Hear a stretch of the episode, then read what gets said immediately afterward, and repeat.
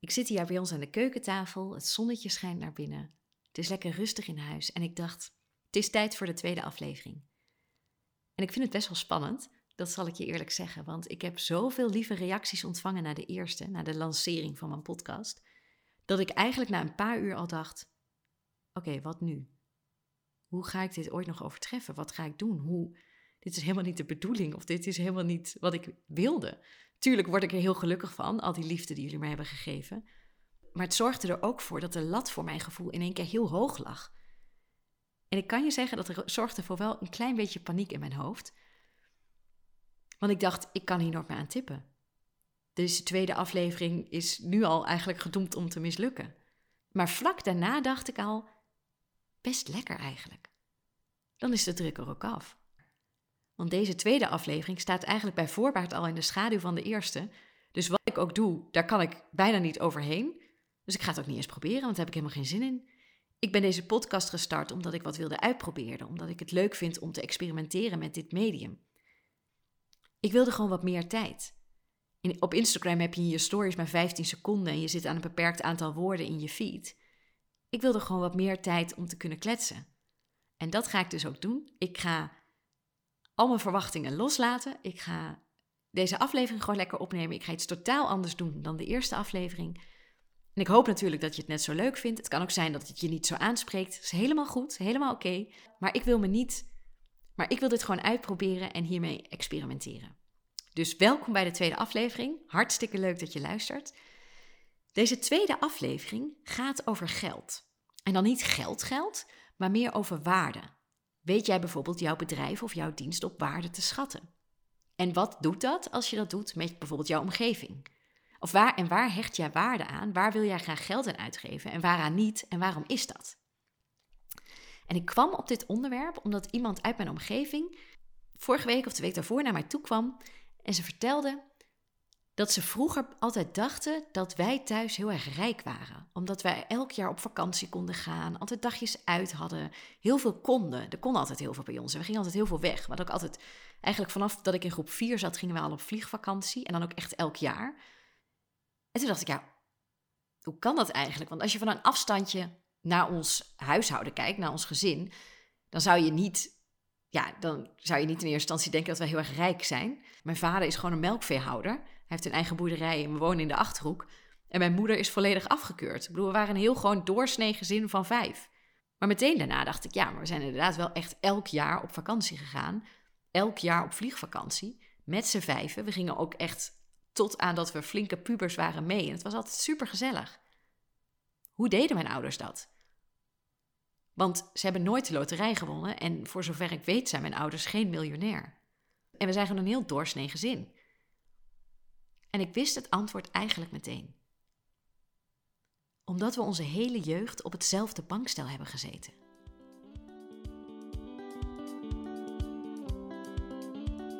Leuk dat je luistert naar de Wianda Bongen podcast. Als je op zoek bent naar een verfrissende kijk op fotografie en het creatief ondernemerschap, dan zit je sowieso goed. Ik ben fotograaf, geef cursussen, mentortrajecten en ik krijg maar geen genoeg van persoonlijke ontwikkeling. Hier deel ik flarden uit mijn leven, mijn soms wat uitgesproken visie op fotografie en mijn leerweg als creatief ondernemer.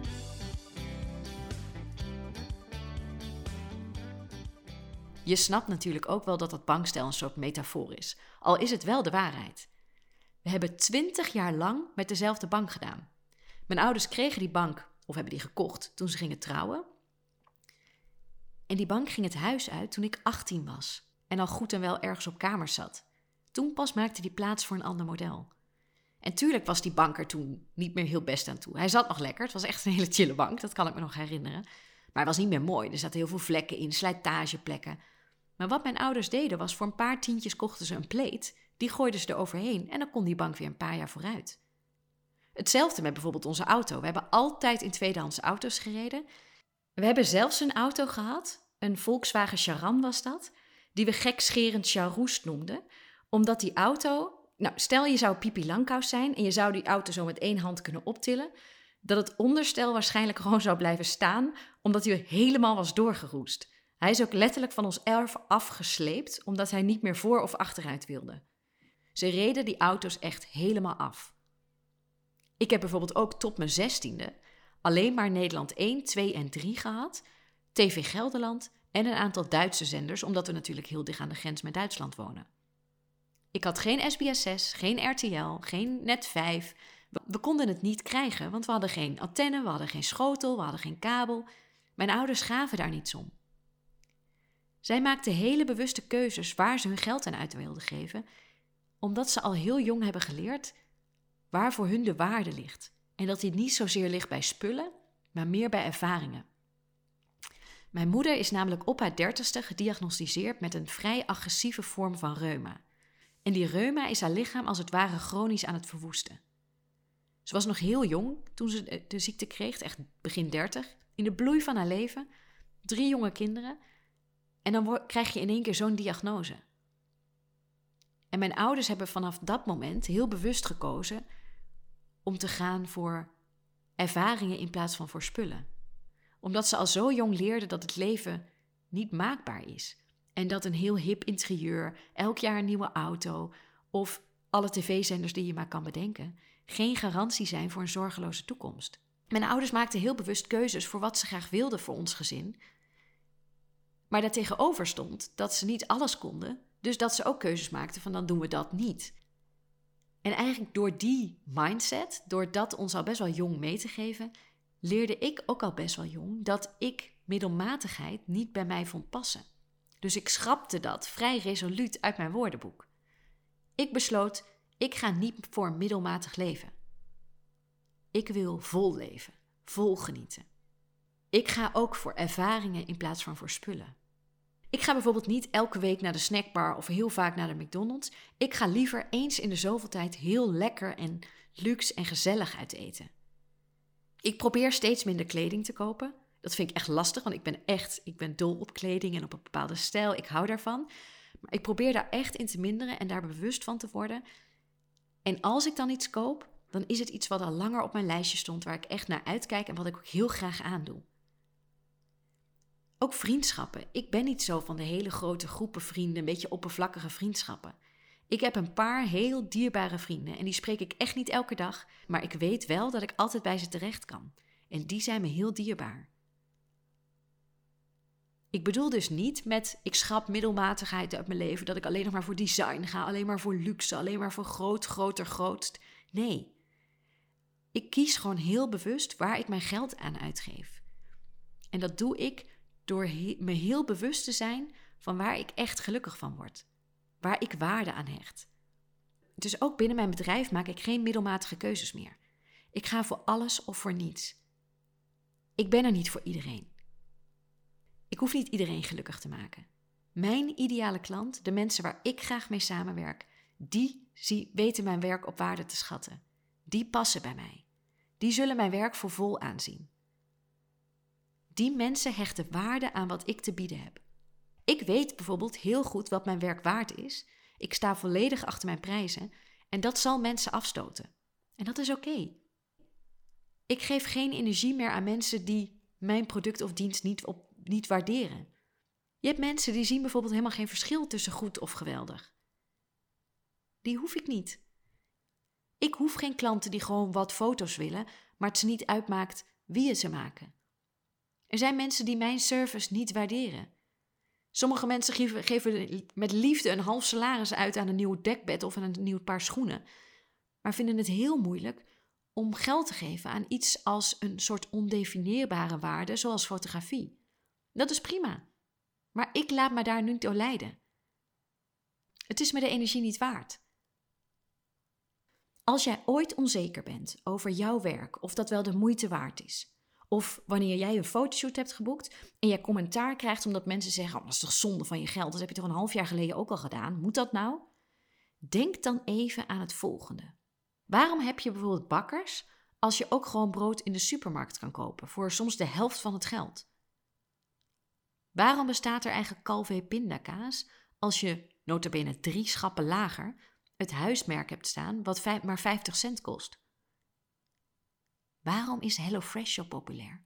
Terwijl je die producten, die ingrediënten, die recepten gewoon online kan vinden en vervolgens zelf in de supermarkt kan kopen. Omdat er mensen zijn die wel de waarde inzien van die producten of die diensten en die daar met liefde wat extra voor betalen. Die waarderen bijvoorbeeld de ambacht die een bakker stopt in dat brood. Die waarderen dat het vers is en gezond.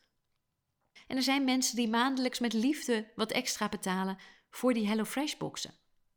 Omdat ze het leuk vinden dat je al die variatie aan gerechten krijgt. Omdat ze genieten van het gemak wat ze daarmee kopen. Omdat het ze enorm veel tijd en energie scheelt. Ze zien daar de waarde van in en betalen met liefde tientallen euro's per maand extra. Iets duur vinden is relatief. Wat duur is voor de een, is goedkoop voor de ander.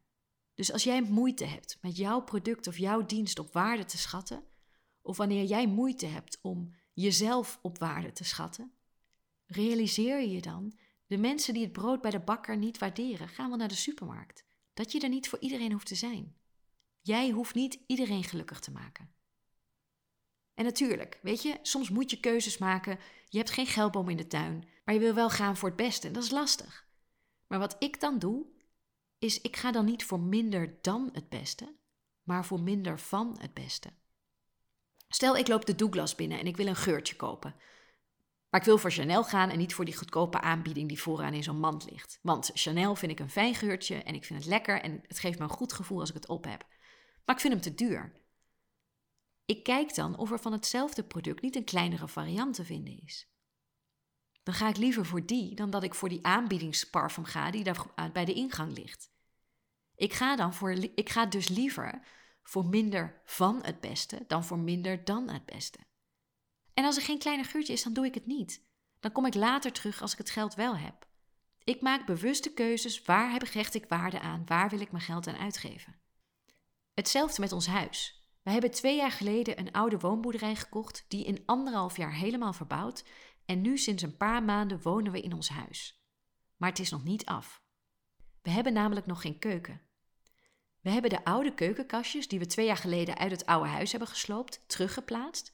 Mijn man heeft via Marktplaats een goedkoop keukenblad op de kop weten te tikken. Daar hebben we ook nog een kookplaat gekocht, een koelkast. We hadden nog een magnetron, een diepvries en een afwasmachine. Die hebben we teruggeplaatst, wat plankjes opgehangen en daar doen we het nu mee. Het is een beetje houtje touwtje. Het ziet er absoluut nog niet mooi uit, maar voor nu functioneert het. En dan kun je je afvragen, maar waarom doe je dat? Omdat we met onze nieuwe keuken niet willen gaan voor middelmatig. We willen iets unieks, iets tofs. En mijn man wil hem zelf gaan maken. Maar daar is tijd en geld voor nodig. En dat hebben we op dit moment niet. We hebben net een hele dure verbouwing erop zitten. We moeten even sparen. Maar ik ben net wel een paar weken geleden een heel lang weekend naar Parijs gegaan, waar alleen een kopje koffie al 8,50 euro kost. Het is dus niet zo dat omdat wij die nieuwe keuken graag willen, we ons leven on hold zetten, niets meer uitgeven totdat die keuken er is. Als ik moet kiezen tussen een lang weekend in Parijs of die keuken sneller, dan ga ik voor een lang weekend Parijs. Ik ga voor die ervaring. Want die keuken die komt er wel. En als het niet dit jaar is, dan volgend jaar wel of het jaar daarna. Maar die ervaring pakt niemand mij meer af. Die was ons zo dierbaar, het was zo lekker om er even uit te gaan. Dat doe ik dan met liefde. En ik wacht met liefde een jaar langer totdat die keuken daadwerkelijk er is. Ik ga niet voor minder dan het beste, ik ga voor minder van het beste. Ik wil je dus dit meegeven. Als jij een fotograaf wilt inhuren voor bijvoorbeeld jouw bruiloft, maar je wil die fotograaf er de hele dag bij hebben, dan kan het zijn dat het veel te duur wordt, dat je het niet kan betalen. En dan ben je al snel geneigd om te zeggen, nou dan kijken we naar een andere fotograaf. En dat kan, weet je, daar ben je helemaal vrij in. Maar ben je ervan bewust dat het kan zijn dat je dan de foto's krijgt die niet zo mooi zijn als je had gehoopt, je er niet zo blij mee bent en ze uiteindelijk ergens in de kast belanden en je er niet zoveel meer mee doet.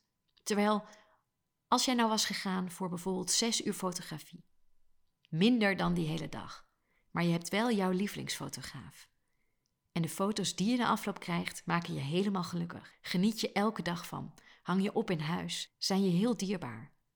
Je bent dan niet gegaan voor minder dan het beste, maar voor wat minder van het beste.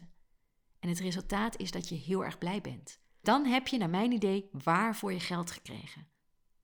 Misschien is de uitkomst niet wat je had gehoopt, want het liefst wil je alles. Maar als je de keuze moet maken, ga dan voor minder van het beste. Ik wil bijvoorbeeld binnenkort mini-sessies gaan lanceren. In een half uurtje tijd maken we foto's. Je krijgt na afloop natuurlijk iets minder foto's dan dat je bij een gewone reportage van twee uur zou krijgen. Maar je hebt wel dezelfde kwaliteit. En ik hoop daarmee ten eerste natuurlijk dat ik meer mensen mag bereiken. Dus dat ik meer mensen toegankelijker word voor veel mensen, want dat zou ik fijn vinden. En ik denk daarnaast dat het voor heel veel mensen fijn is, omdat als ik bijvoorbeeld naar mijn eigen man kijk, als ik zeg, ja, we gaan weer een fotoshoot doen, staat hij niet te springen. Hij wordt daar niet dolgelukkig van. Terwijl als ik hem zeg, joh, het is maar een half uurtje en dan ben je er vanaf, vindt hij denk ik prima. Een half uurtje is te overzien. Dus ik denk daarnaast dat ik heel veel mensen een hele fijne dienst lever door te zeggen, joh, het is maar een half uur, maar heb je wel toffe foto's als eindresultaat. Dus als middelmatigheid jou net zo slecht staat als dat het mij doet, doe het goed of laat het zitten. En als je dan alsnog commentaar krijgt, want mensen zijn gewoon goed in altijd een mening te hebben over alles, bedenk je dan in je hoofd even, ja, die koopt waarschijnlijk zijn brood in de supermarkt en dat doe ik gewoon niet. Hij heeft een andere levensstandaard dan ik, hij maakt andere keuzes. En zo probeer ik bij alle keuzes binnen mijn leven en binnen mijn bedrijf na te gaan of ik mezelf geen middelmatigheid aanmeet. Of ik mezelf niet te klein houd. Als ik, als ik naar mijn eigen bedrijf kijk en naar wat ik wil uitstralen naar buiten toe, als ik dus die middelmatigheid schrap, dan wil ik dus niet dat fabrieksbrood zijn wat je in de supermarkt ziet liggen. Maar ik wil stiekem eigenlijk ook niet die bakker bij jou uit het dorp zijn. Ik wil die bakker zijn waar je eens in de zoveel tijd speciaal voor naartoe rijdt op een zaterdagochtend, omdat het weekend is, omdat je wat te vieren hebt, omdat je op zoek bent naar iets speciaals, iets extra's. Dat wil ik graag zijn met mijn bedrijf. Dat is voor mij de middelmatigheid schrappen. Ik wil er zijn voor de mensen die niet gaan voor zilver of brons, die kwaliteit willen, die waar voor hun geld zoeken en de middelmaat schrappen, die tijdloze foto's willen die elke passerende trend ruimschoots overleeft. Mijn ideale klanten zijn niet op zoek naar een fotograaf voor wat leuke kiekjes. Ze zijn op zoek naar mij, naar mijn visie, naar mijn stijl van fotograferen, naar mij als mens zijn. En natuurlijk voelt dit gek om zo te zeggen. Want ik kan me voorstellen dat je nu denkt: jeetje, wat arrogant. Maar ik ga gewoon niet meer voor die middelmatigheid. Ik ben geen ondernemer geworden omdat middelmatigheid mij zo goed past. En ik heb veel te veel situaties gezien waarin het leven gewoon simpelweg te kort is. Ik wil straks geen spijt. Ik wil geen oh, wat als. Of had ik maar. Ik leef vandaag en ik streef er elke dag naar om mijn dag van vandaag nog mooier te maken dan dat hij gisteren al was. Ik wil geen concessies doen. Ik wil niet mijn tijd voldoen met mensen die mijn werk niet helemaal waarderen. Er zijn bijvoorbeeld best veel mensen in mijn omgeving die mij niet boeken als hun fotograaf. Ik denk omdat ik te duur ben. En dat vind ik ergens heel erg fijn. Ik hoop dat ze naar mij toe komen als ze mijn werk oprecht mooi vinden. En als ze dat niet doen, dan zijn er met liefde, dan wijs ik ze met liefde naar mijn collega's toe. Maar dan doe ik het liever niet. Ik weet wat mijn werk waard is en ik ga voor de mensen die die waarde inzien. Dat maakt mij gelukkig. Geen middelmatigheid meer, geen middelmatige keuzes meer. Als je mij zou vragen wat ik zou doen als ik vanaf morgen niet meer zou hoeven te werken, als ik alle geld van de wereld had, alles zou kunnen doen en alles zou kunnen veranderen, dan zou ik alles precies hetzelfde blijven doen. Ik zou opstaan s ochtends en ik zou mijn leven leven zoals ik dat nu al doe. Want ik word heel gelukkig van hoe ik mijn leven nu heb ingericht, van wat ik elke dag mag doen de klanten die ik mag bedienen, die maken me allemaal, dat maakt me allemaal zielsgelukkig. Daar doe ik het voor. Tot slot, lieve mensen. Ik heb een vraag. Wat is je aan het einde van de streep meer waard? Je muur vol met kwaliteit waar jij dagelijks van geniet? Of een harde schijf ergens in de kast vol middelmatigheid waar je nooit meer naar kijkt? Denk daar maar eens goed over na. Dit was hem weer voor vandaag. Dit was mijn tweede aflevering. Bedankt voor het luisteren. Heel iets anders dan de eerste, maar ik hoop dat je er weer van genoten hebt. En mocht je op de hoogte willen blijven van de mini-sessies die ik ga aanbieden, hou deze week dan zeker mijn socials in de gaten. Hele fijne dag. Bedankt voor je aandacht. Bedankt voor je tijd. En ik hoop natuurlijk weer tot de volgende.